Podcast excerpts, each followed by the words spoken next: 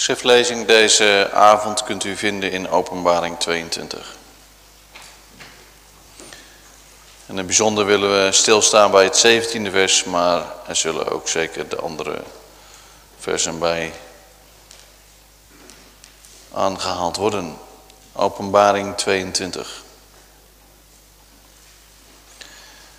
En hij toonde mij een zuivere rivier van het water des levens, klaar als kristal, voortkomende uit de troon Gods en des Lams.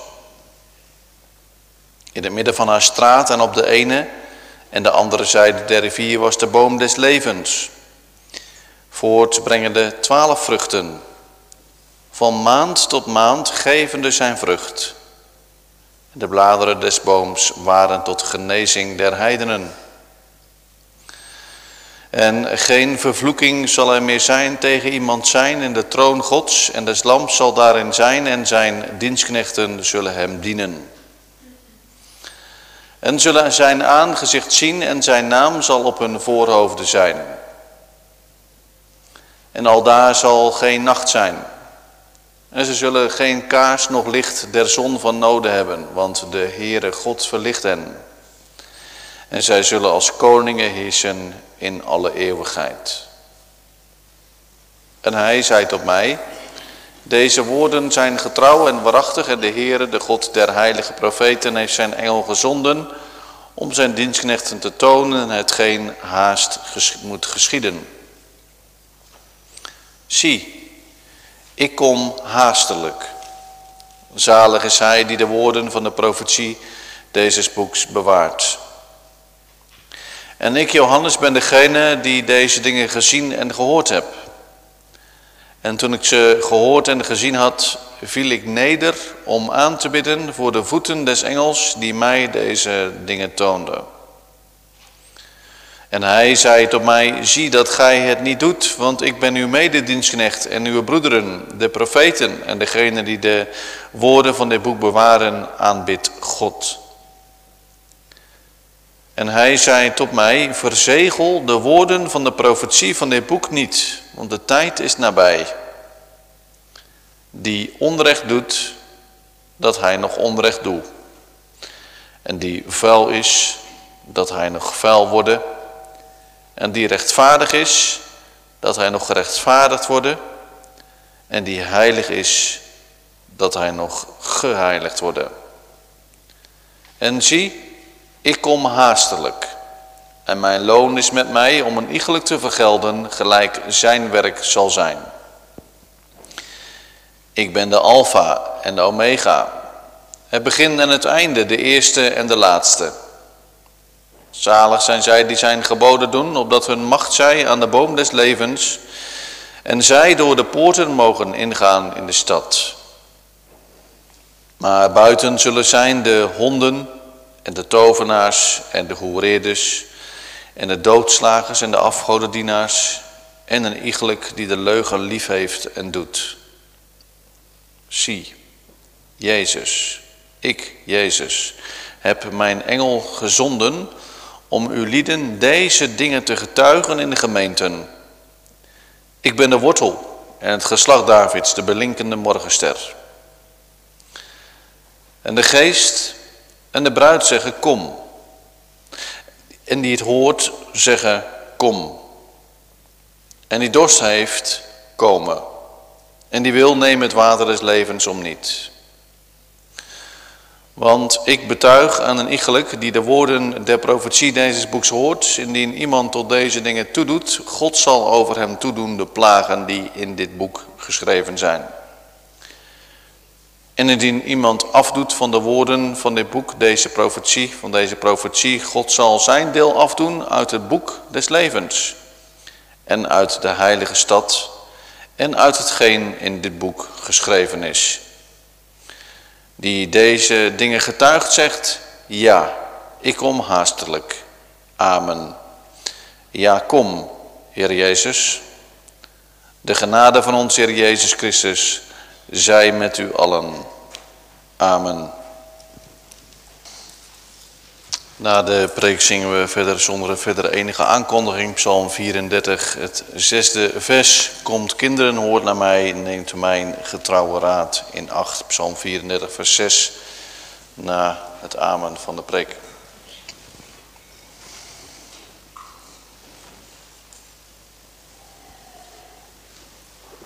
Gemeente, vanavond willen we stilstaan bij vers 17 uit Openbaring 22.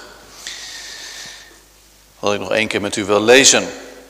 En de geest en de bruid zeggen, kom. En die het hoort zeggen, kom. En die dorst heeft, komen. En die wil nemen het water des levens om niet. Het thema voor deze avond is, zie, ik kom haastiglijk. Daarbij twee gedachten. Als eerste de geest en als tweede en de bruid zeggen kom.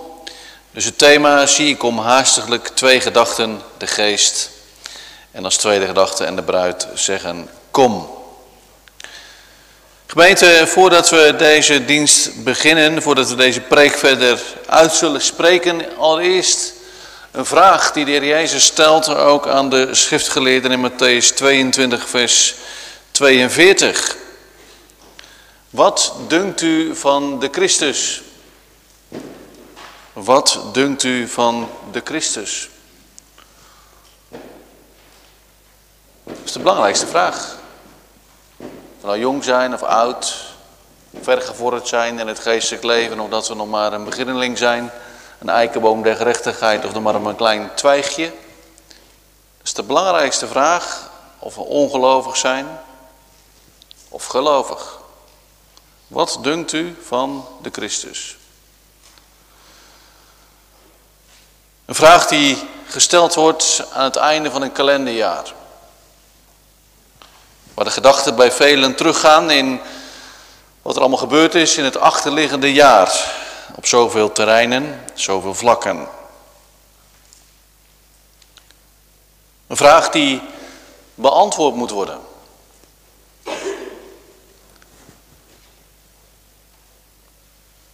Want dat bepaalt ons leven. En niet alleen dit leven, maar ook het leven na dit leven. En juist ook de tekst die vanavond daarover gaat. Het hoofdstuk wat we hebben gelezen is een van de mm, slotakkoorden van het evangelie. Zoals je bij een concert, bij een symfonieorkest een slot, ook machtig slotakkoord hebt, zo is dit hoofdstuk uit de Bijbel een machtig slotakkoord. De laatste boodschap van de Heer Jezus aan de gemeenten, aan ons.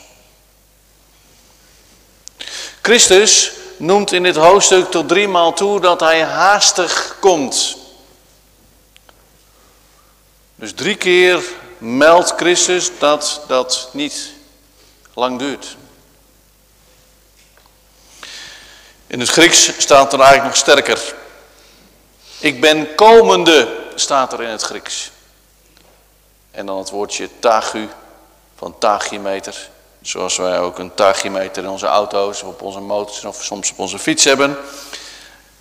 Een snelle komst, haastig, ik ben komende. Dat betekent ook dat het een proces is wat in werking is.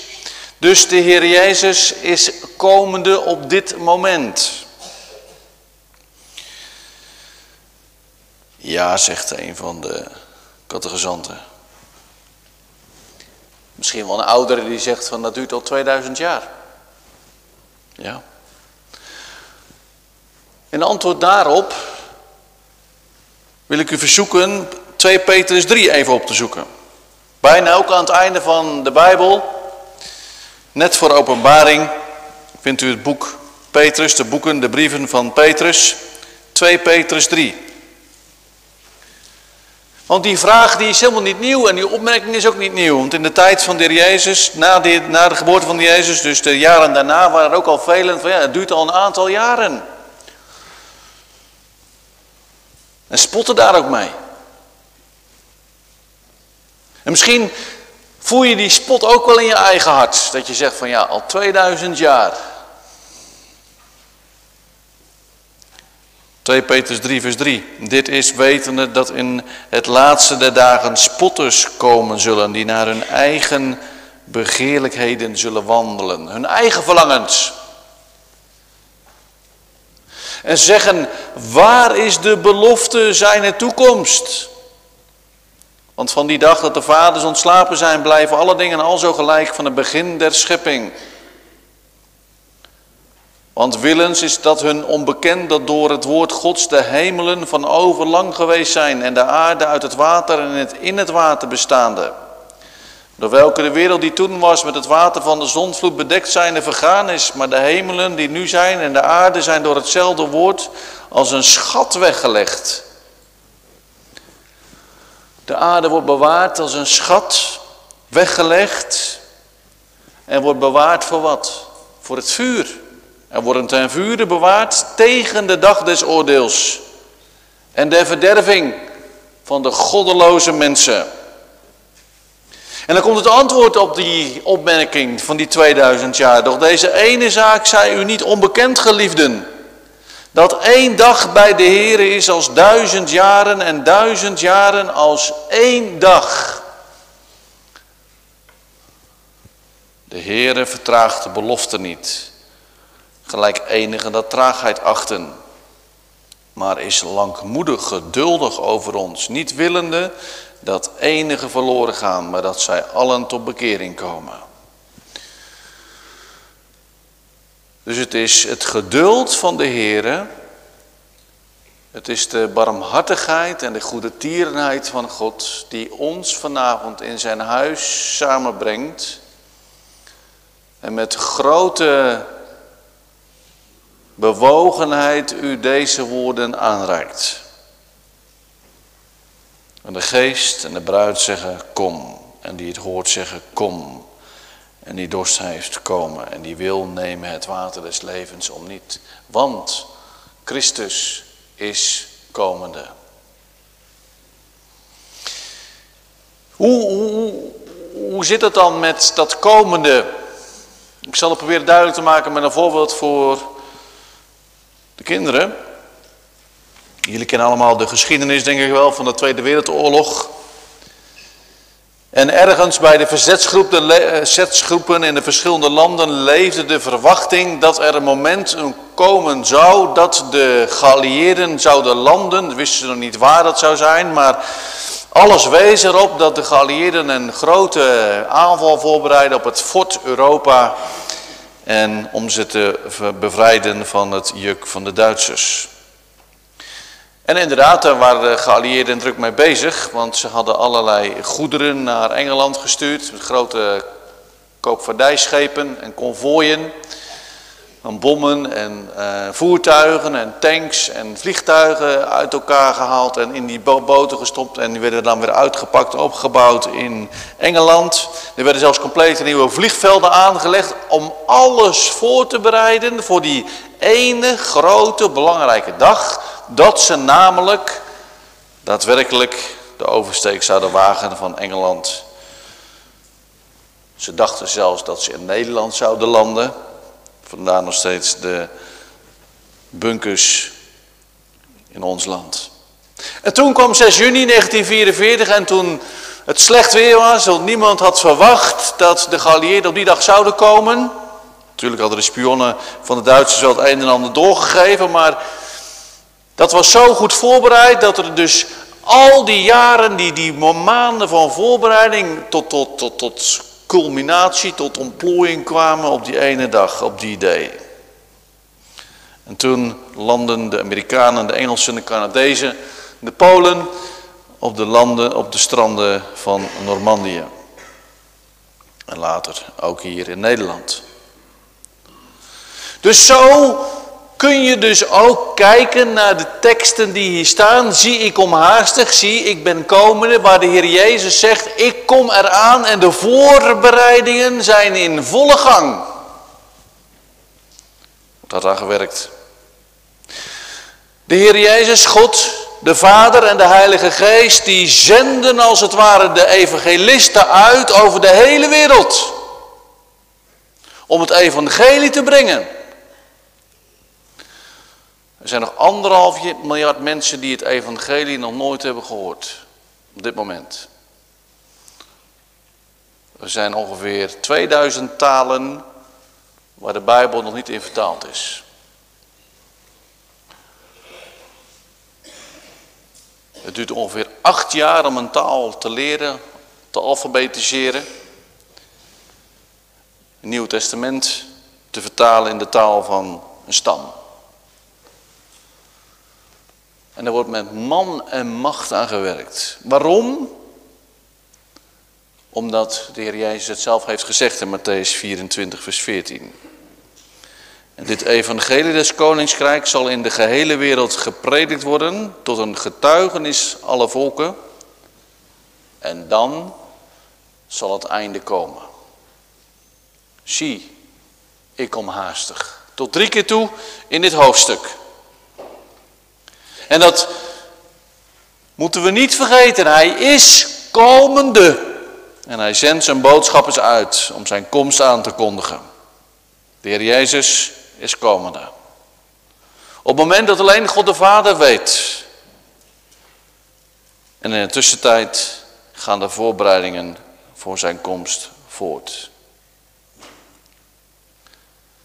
Te midden van rampen, vervolging, pandemie.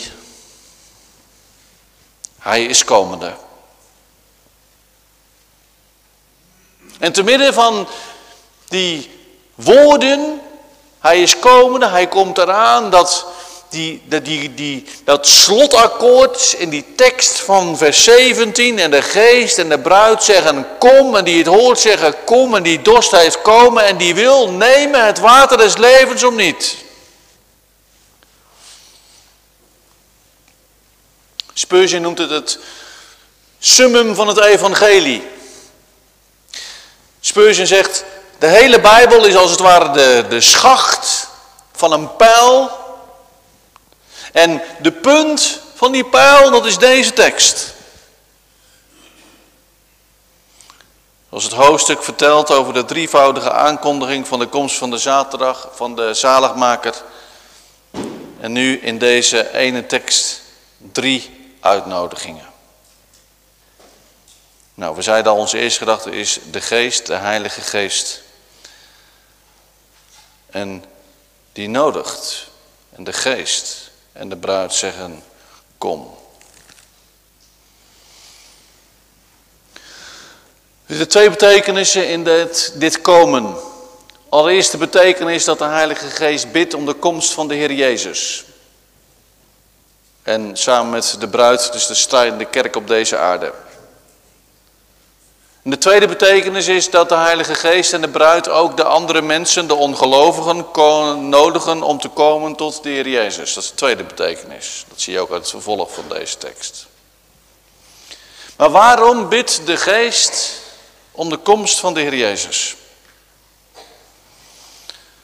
Er zijn een aantal redenen voor. Als eerste omdat de Heilige Geest ziet dat deze schepping zucht en het schepsel zucht onder de zonde. De aardbevingen, bosbranden, stormen, besmettelijke ziekten, oorlogen, vluchtelingen, christenvervolging. Er zijn nog nooit zoveel christenen vervolgd als in het afgelopen jaar. Tweede reden, omdat de naam van God wordt gelasterd. Dag aan dag. De naam van God wordt ook gelasterd door hem volkomen te negeren. En het werk van de Heilige Geest is juist ook om het, om het, om het werk van de Zoon van God te verheerlijken. En waar wordt niet openlijk of bedekt de naam van de Zoon van God de naam van God de Vader niet door het slijk gehaald. Waar gebeurt dat niet? Dat is de tweede reden. De derde, de derde reden. Hoeveel keren heeft de Heilige Geest in het achterliggende jaar Deze gemeente. Het evangelie niet uit laten gaan. Die zeer blijde boodschap. En iedere keer heeft u of jij je hoofd afgewend, je oren dichtgestopt. Die nodiging, die lieflijke nodiging om te komen tot het hel.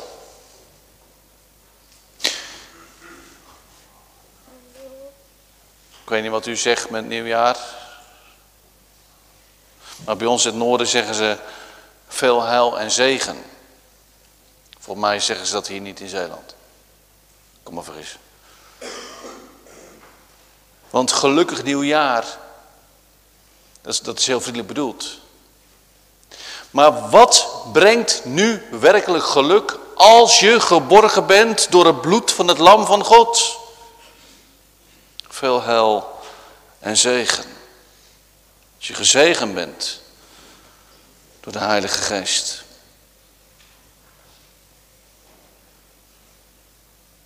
Al die keren dat wij zondigen als gelovigen. Al die keren dat het evangelie klinkt en er wordt geklopt op de deur van je hart, er wordt de nodiging genegeerd. Jonge mensen, hoeveel keren is het achterliggende jaar niet op jullie hart geklopt door het evangelie? Zonderschool, catechisatie, JV, thuis. De kerk, ouderen. En al die keren het evangelie genegeerd. De roepende stem van God genegeerd omdat er allerlei gedachten door ons hoofd speelden, omdat we druk waren met de tegenwoordige tijd. Omdat net voordat we naar de kerk gingen nog de, de, de, de, de geluiden van de wereld in ons hoofd galmen. En dat, dat liedje maar door je hoofd blijft malen. En dat ons netvlies als het ware nog, nog onrustig is van de films die we hebben gezien. En de Heer roept op tot bekering.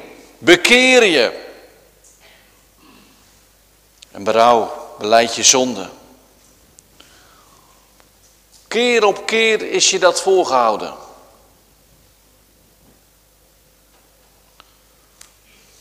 Op je kamer, op je knieën. Heren, ik doe mijn mond wijd open. Heren, ik ben hier met al mijn zonden. Mag ik worden een van uw kinderen? Heer, wilt u mij een nieuw hart geven? Of misschien die roepstem in je leven. Een bekende in je buurt, in je omgeving overleden. Je bent geschrokken. Je hebt je voorgenomen om de Heer te dienen. toen ging je toch weer verder met je leven. Een positieve roepstem, je hebt je diploma gehaald en beloofd ik zal de Heer dienen. En de belofte moet nog steeds ingelost worden. En de Heilige Geest die tegen je spreekt. Volg mij, zegt Christus. Maar je hoorde de woorden wel en nu hoorde de woorden wel, maar ja, u had zoveel jama's. Jij had zoveel jama's, je was zo druk. En keer op keer klopte de Heilige Geest, klopte Jezus Christus, openbaring 3, op de deuren van je hart. Heel veel jonge mensen denken, als ik ouder ben, dan, ja dan,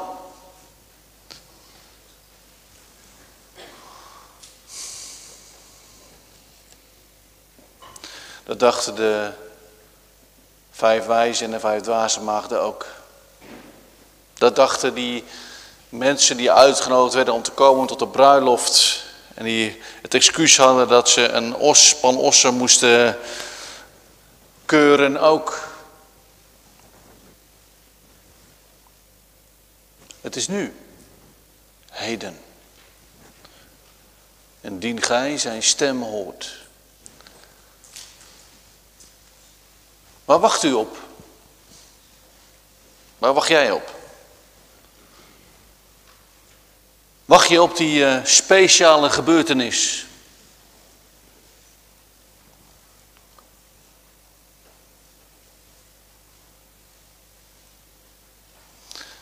Die komt niet. Het gaat door de prediking van het woord.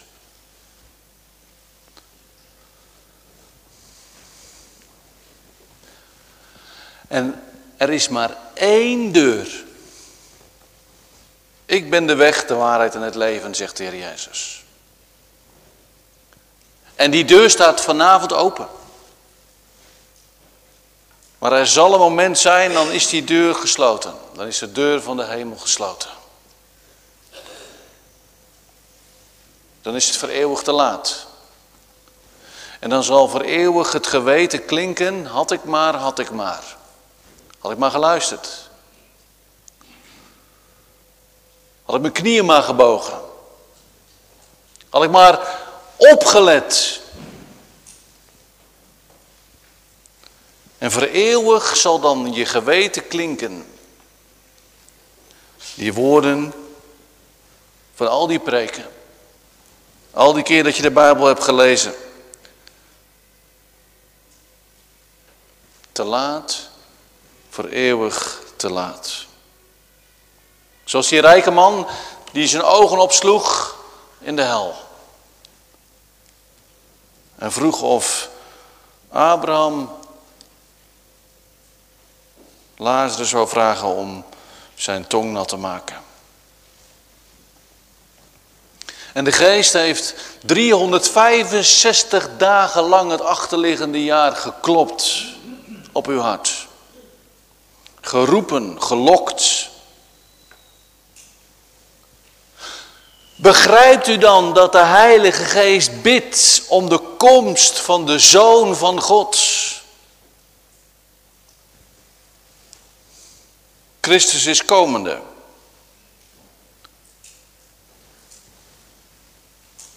Waar wacht je op? Keer je om. Beleid je zonde. Vertel ze maar. Vertel je ongeloof. Vertel je vijandschap, je rebellie, je, je verslaving aan deze wereld. Want als je deze oproep niet beantwoordt, dan kom je om in je eigen zonde. Als je sterft, dan word je voor eeuwig, eeuwig veroordeeld. Bid om genade. Om deze laatste oproep uit dit woord te beantwoorden in geloof en bekering. En de geest zucht en hij roept, kom. En de geest doorgrondt uw hart.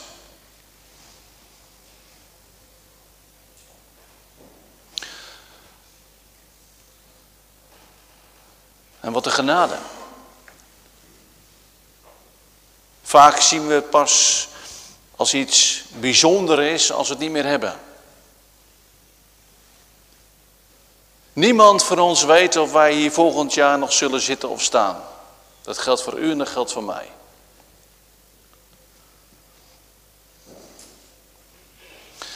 Maar vanavond gaat het evangelie uit en bidt God tot u. En ik zeg het u met Paulus. Ik bid het u van Christus wegen, laat u met God verzoenen. Zo bad de Heer Jezus met tranen om Jeruzalem. Maar ze wilden niet. En misschien zit iemand ook wel hier vanavond en zegt van ik wil helemaal niet. Bid dan of de Heilige Geest zo je wil ombuigt dat je van onwillig gewillig wordt. Maar er komt een moment dat de tijd, de wel aangename tijd voorbij is. En dat is of als wij sterven, of dat Christus wederkomt tot de wolken des hemels.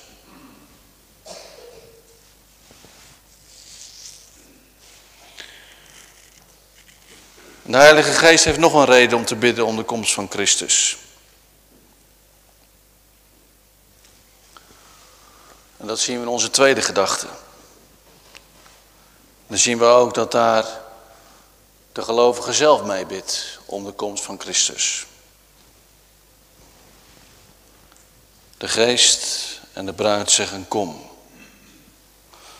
Want gelovigen, het is toch ook zo dat, dat, dat, dat u zondigt elke dag?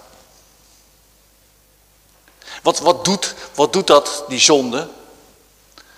Dat, dat, dat doet, daar, daar krijg je toch berouw over, verdriet over.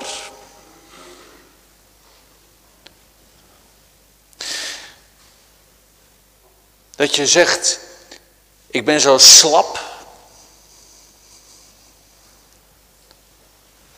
Ik ben zo, ik heb zo'n zo'n oude mens in mij die zo hardnekkig is. Al mijn goede werken zijn besmet met zonde. Bedroeven wij niet als gelovigen 365 dagen per jaar de Heilige Geest? En is het niet zo dat we met Paulus zeggen, als ik het goede wil doen, dan ligt het kwade zo dichtbij. En het goede dat ik wil, dat doe ik niet. En het kwade dat ik niet wil, dat doe ik. Ik, ellendig mens. Al die keren dat wij als gelovigen al hadden moeten opstaan en hadden moeten spreken over de rijkdom en de grootheid van Jezus Christus, het offer van de Zoon van God. Al die keren dat wij zwegen toen we eigenlijk hadden moeten spreken. En spraken dan we moesten zwijgen. Dat we afdwaalden, onze eigen wegen zochten. Het gebrek aan liefde het gebrek aan blijdschap, gelaten 5 vers 22. Het gebrek aan vertrouwen. Dan is toch het gebed. Kom, Heer Jezus. Dan is toch het gebed van Psalm 42, Heer, ik verlang naar u als, een het verlangt naar de waterstromen. Daarom bidt de bruid ook.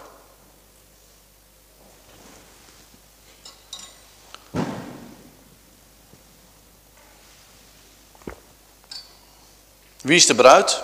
Kinderen? Jongelui? Dat is de kerk.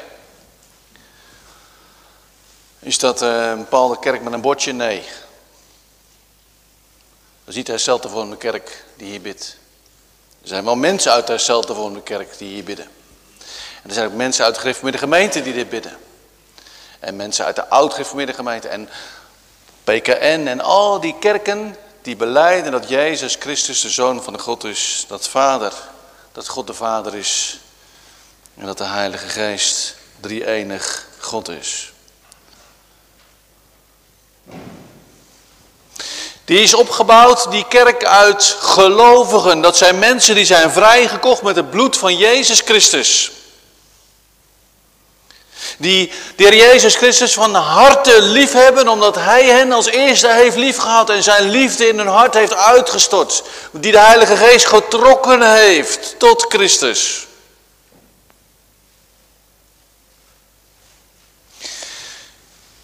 Er zijn hier eh, kinderen, jonge mensen, ouderen die een bruiloft hebben meegemaakt, bewust. En daar heb je vast een beeld bij bij een bruiloft. Je weet wat de voorbereidingen zijn van zo'n bruiloft. Je hebt dat misschien al van dichtbij gezien, dat je oudere broer of zus ging trouwen. En er werd een huis klaargemaakt, er werd een huis gekocht en geschilderd en gestuukt en gedaan. En, en er werd een mooie auto geregeld en een, eh, en een zaal voor een receptie. Dus je zag van dichtbij dat de bruid en de bruidegom, die verlangden ernaar om, om in de huwelijkse staat verbonden te worden.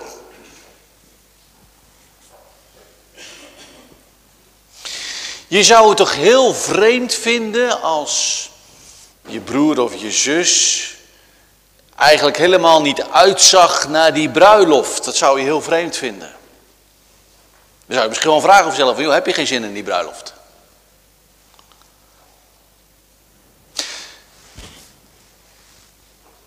Als Christus wederkomt, dan wordt de bruid, de strijdende kerk op deze aarde, tot in eeuwigheid verenigd met de bruidegom Jezus Christus. Met hemelvaart herdenken wij dat heilsfeit dat de bruidegom het hoofd van de kerk in de hemel is. En bidden wij als strijdende kerk in de wetenschap dat de bruidegom Jezus Christus ook voor ons bidt. En bidden wij om zijn komst, om voor eeuwig met hem verenigd te mogen zijn. Dat is als hij komt tot de wolken des hemels of als wij sterven. En daarom zijn gelovigen zo in gebed. En daarom roepen ze elke dag, kom Heer Jezus. We verlangen om naar huis te mogen gaan.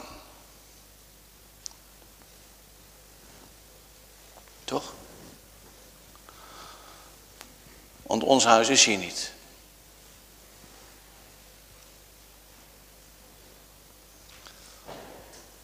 Ons huis is in de hemel.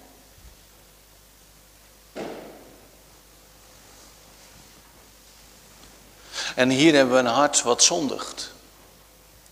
En je wordt zo moe van dat hart wat zondigt. Onze gedachten.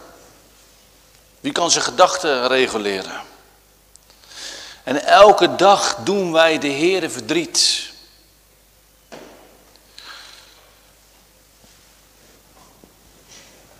Dan bid je toch elke dag, Heer Jezus Christus, ik verlang naar u, ik dorst naar u. De levende God. Want ook de bruid ziet, de strijdende kerk ziet de gebrokenheid op deze aarde. Ook de bruid ziet dat het evangelie keer op keer afketst. Dat ziet u niet. Maar ik zie heel veel non-verbale communicatie vanaf de preekstoel. En dat zegt ook niet alles. Dat realiseer ik me ook.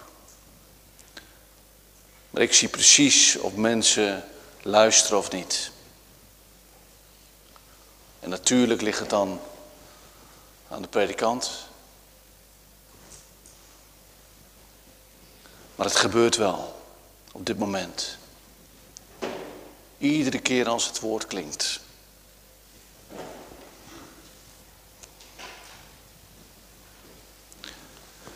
De bruid ziet dat medebroeders in verre vreemde landen opgejaagd en verstrooid worden, opgesloten in gevangenissen. De bruid ziet hoe Christus genegeerd wordt. En de bruid ziet door de werking van de Heilige Geest al die tekorten in het hart, al die zonden. En daarom bidt de geest en de bruid, kom, Heer Jezus. En omdat ze zelf leven van genade, bidden ze ook en die het hoort zeggen, kom. En die dorst heeft, komen. En die wil nemen het water des levens om niet. Deze woorden van de Heer Jezus doen denken aan de woorden uit Jezaja 55, vers 1 en 2. Daar vraagt Jesaja immers dat, dat mensen, mensen als het ware zich druk maken om zaken die, die, en geld uitgeven aan zaken wat geen brood is. En dat ze arbeiden voor iets wat helemaal nooit verzadigen kan. Er is, er is maar één, één, één iemand, Jezus Christus, die, die dorst, die honger, die onrust in het hart verzadigen kan, namelijk die leegte opvullen in ons hart met de volheid van zijn genade. Er is er maar één die de dorst verzadigen kan. Dat is de Heer Jezus die op het hoogtepunt van het Loofhuttenfeest in Jeruzalem zei. Zodat iedereen hem kon horen en zien. En hij heeft het uitgeroepen. Zo iemand dorst die komend op mij en drinken. Die in mij gelooft, gelijkerwijs de schrift zegt, stromen van levend water zullen uit zijn buik vloeien. Johannes 7, vers 37 en 38. En hier wordt het weer voorgehouden en worden mensen toegeroepen. En die het hoort zeggen, kom.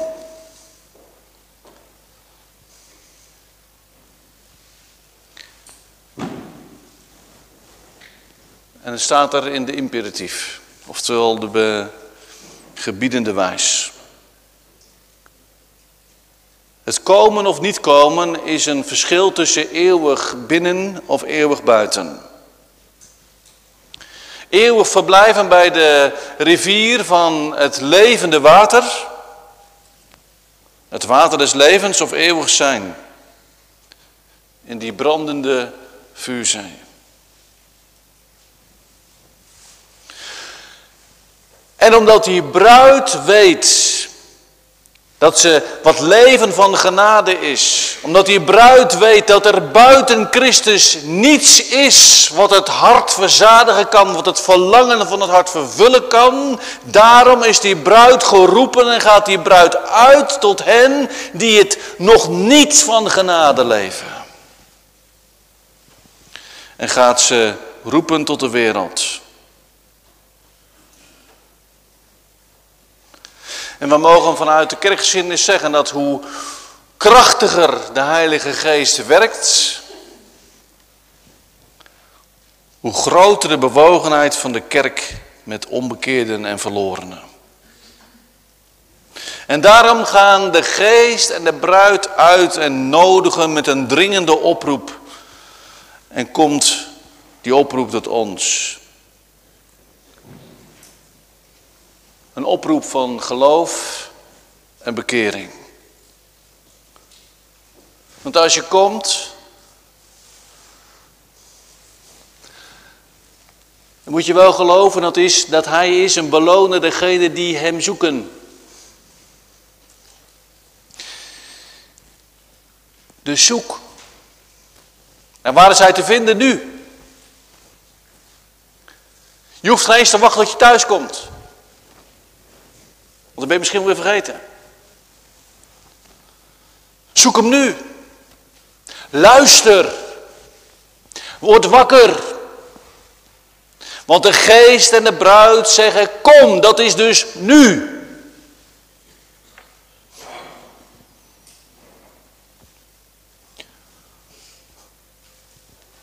Zeg Heer in je hart, Heer, hier ben ik. U bent te vinden in uw woord. Ik hoor uw stem vanavond, nu. En die het hoort zeggen, kom. Ik heb dorst, alle mensen hebben dorst. Alle mensen hebben dorst aan de wereld. Maar ik heb gehoord van een dorst naar gerechtigheid. Nou, die dorst heb ik niet, heren. Wilt u mij die dorst geven? En ik wil niet.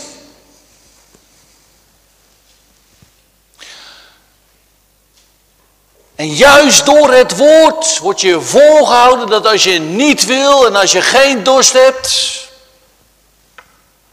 dan moet je dat niet mee door blijven modderen in jezelf, maar moet je het zoeken buiten jezelf in Christus. En Christus zegt het vanavond. En die dorst heeft komen.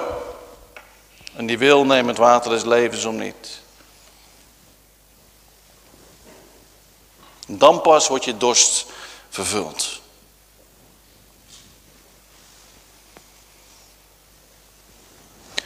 Niet blijven zoeken in je eigen emotie, in je eigen hart, want dan vind je het niet. Je moet het zoeken in het woord en het woord komt tot ons vanavond en het woord zegt, die dorst heeft komen en die wil nemen het water des levens om niet. En als je nu die trekking voelt van de Heilige Geest, dan mag je nu gaan tot de Heer. Zo eenvoudig is het evangelie en zo rijk is het evangelie. En daarom is het ook een blijde boodschap die uitgaat. Maar er zal een moment komen dat die boodschap niet meer klinkt. Dan is er geen gelegenheid meer. En dan is de deur van de hemelpoort, de deur van het vaderhart voor altijd gesloten. En de bruid mag ook verkondigen dat de genade om niet wordt aangeboden. Genade is een geschenk dat zonder enige betaling wordt geschonken. Dat is genade. Zit het woordje gratis in, gratia. God heeft redenen uit zichzelf genomen om die genade aan te bieden. Zodat hij al de eer zal ontvangen. Het gaat immers om de glorie, om de eer van God.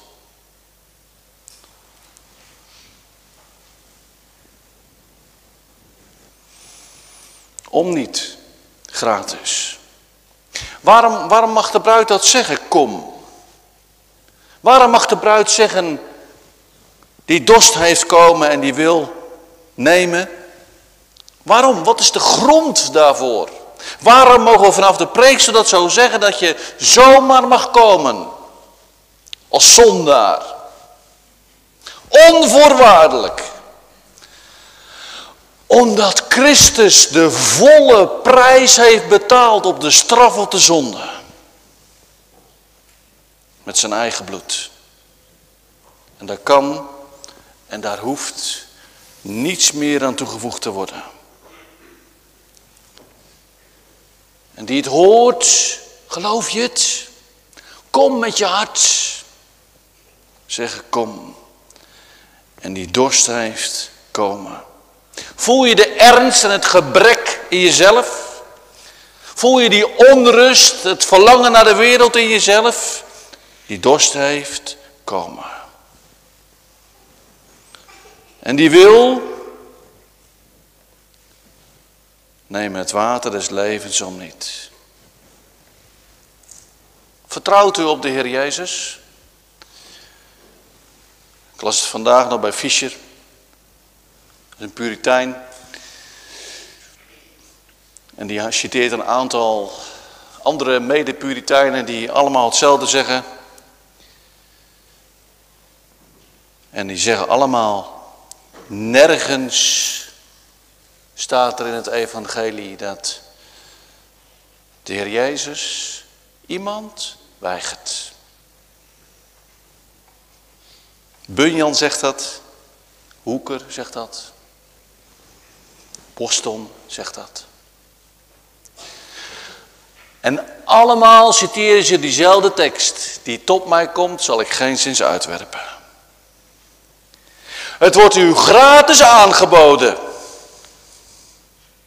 Hoe ruim is het evangelie? Op grond omdat Christus de volle prijs, omdat Christus de schaal met bloed binnengedragen heeft de hemel in. Dat God de Vader dat offer van de Zoon van God heeft aangenomen. Daarom is dat evangelie zo, zo wijd. En toch zijn er vanavond mensen die zeggen, maar voor mij hoeft het niet. En dat is de ernst van het evangelie. En daarom bidden de geest en de bruid, kom Heer Jezus.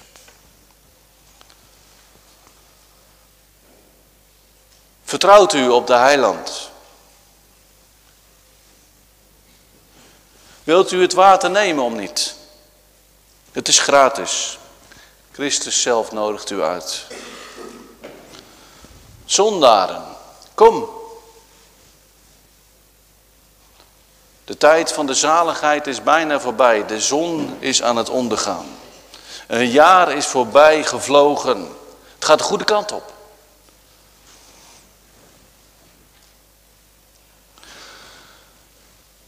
Kinderen, hoe lang kun je zonder water, denk je?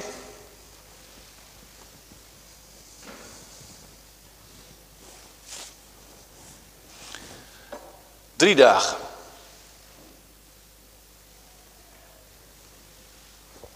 Hoe zou je het vinden als je iemand tegenkwam die zegt ik ga op expeditie naar de Sahara. En hij neemt geen water mee. Hoe zou je dan kijken naar die persoon? Dan zou je mij graag aankijken en zeggen van dat is onverstandig van je. Je kan beter water meenemen. Veel water. Sherrikens vol. Want, zeker als het zo heet is, dan heb je heel snel dorst.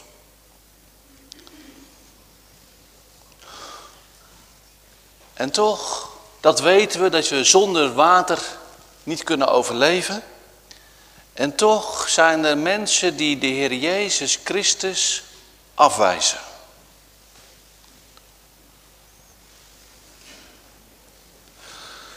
Hoe lang denkt u nog te kunnen leven zonder Christus in dit leven?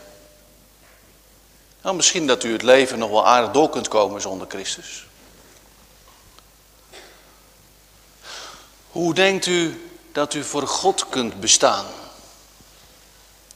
Als u in dit leven zonder Christus heeft geleefd. Geen drie dagen, geen ogenblik. Want buiten Christus is God een verterend vuur.